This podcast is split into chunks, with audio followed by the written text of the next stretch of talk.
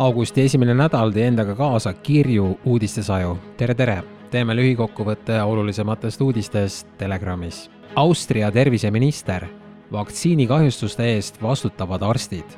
Austrias on terviseminister Johannes Rauch sattunud surve alla pärast seda, kui temale esitatud Covidi süstide ohutuse küsimustes lükkas minister vastutuse arstidele ja teistele meditsiinitöötajatele, kes uskusid naiivselt ministeeriumi katteta lubadusi, et koroonapreparaadid on ohutud. kümneleheküljelises vastuses küsimustele Covidi süstide vastutuse kohta selgub, et vaktsineerimist survestanud ministri hinnangul peavad vaktsiinikahjustuste eest vastutama arstid, sealhulgas on aruandes välja toodud ka trahvid kuni neljateist tuhande euro ulatuses Saksa Twitteris levib uus trend, hashtag ma kahetsen vaktsineerimist. tuhanded endised vaktsineerimise pooldajad või olude sunnil vaktsiini teinud saksa keelt rääkivad inimesed kahetsevad oma otsust ja on sellest teada andnud Twitteris, kus levib uus trend, hashtag ma kahetsen vaktsineerimist, ich bereue die Impfung. paljud neist lootsid riigi tungival soovitamisel tehtud torkimise kaudu vabadust ja tervist ning peavad nüüd maadlema ränkade tervisega seotud tagajärgedega. tuletame meelde, et vaktsineerimiskahjudest avalikult rääkimine võib päästa elusid. Eestis on juba üle kahekümne kuue tuhande viiesaja inimese kogunenud Facebooki gruppi koroonavaktsiinide kõrvalmõjud.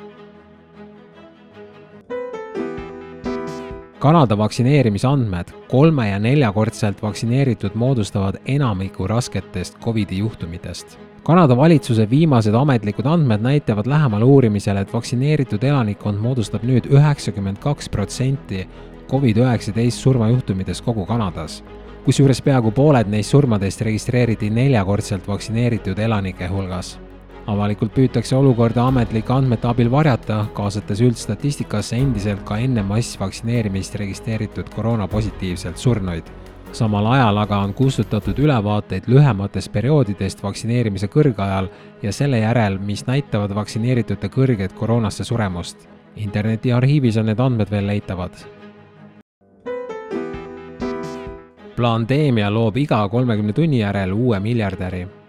koroona on kaks aastat maailma räsinud, killustanud ja lõhestanud, tapnud ja vaesust suurendanud, aga nagu igas kriisis ja sõjas, kasvatanud ka osa inimeste varandust mittetulundusorganisatsioon Oxfam avaldab leheküljel Profiting from pain nende rikastunute nimed, kes koroonakaosest jõhkralt kasu on lõiganud. lühikokkuvõte näitab, et pandeemia ajal sai uueks miljardäriks viissada seitsekümmend kolm inimest, üks iga kolmekümne tunni järel.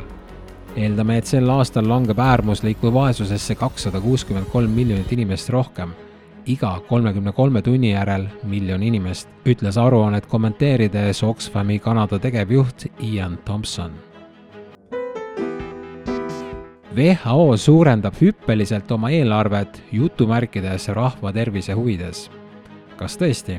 maailma Terviseorganisatsioon WHO kasutab oma staatust avalikkuse eksitamiseks, et suurendada Covid-19 vaktsiinisüstide ülemaailmset kasutuselevõttu kahekümne teisel juulil avaldas WHO meediabüroo pressiteate uue ülemaailmse Covid-19 vaktsineerimisstrateegiaga, mis nõuab WHO ajaloo suurimat iga-aastast eelarvet.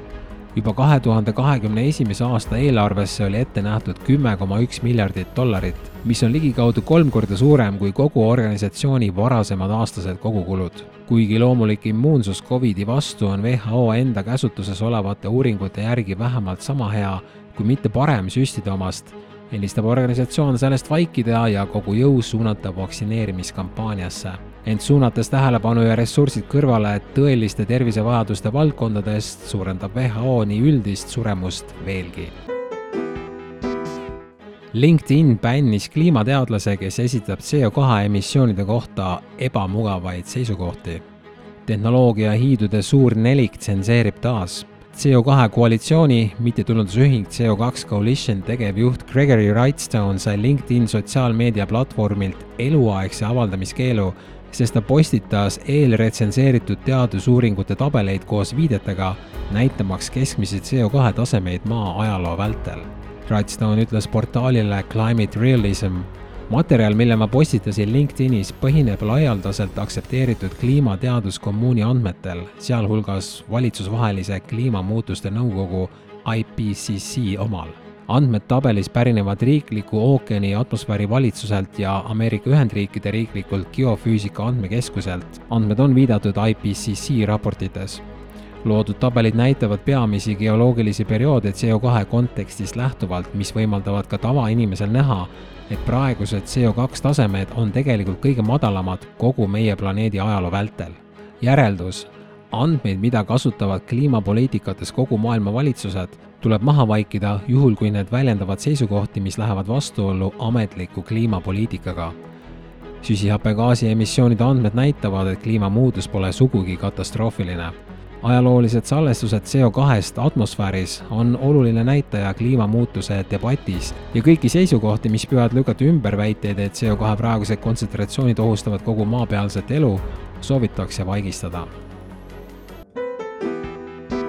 ja lõpetuseks Taiwan'i kriis kui järjekordne osa Great Reset puslest peavoolumeedia tuletab neil päevil meelde, et ühe suurima arvutikiipide tootjana on Taiwan maailmaturul asendamatu lisaks kulgeb suur osa konteinerlaevade liiklusest läbi Taiwan'i väina, tuntud ka kui Formosa väin, mis asub Hiina ja Taiwan'i vahel. Hiina sõjalised manöövrid häirivad aga juba praegu kaubateid. sõda Taiwan'iga tähendaks, et suur osa maailmast ei saa enam arvutikiipe. Need komponendid on eluliselt olulised paljudele tööstusharudele. Neid paigaldatakse peaaegu igasse kodumasinasse, aga loomulikult ka kõikidesse kaasaegsetesse sõidukitesse viiskümmend protsenti maailmaturust teenindatakse Taiwanist. võimalik sõda Hiina ja Taiwan'i vahel, millesse võib-olla astub ka USA, mängib Great Reset plaanidele sama palju kui Venemaa ja Ukraina sõda. tekib kaos, inimeste kannatused on sündmuste taga seisvate planeerijate jaoks täiesti ebaolulised. seda kõike tuleks peavoolumeedias tulevaga kursis olles meeles pidada, sest ida ja lääs mängivad kulisside taga kokku see tähendab, et kogu geopoliitika on päeva lõpuks farss. Need olid Telegrami uudised möödunud nädalast. tule kapist välja ka sina, me kõik teame, et see on hauks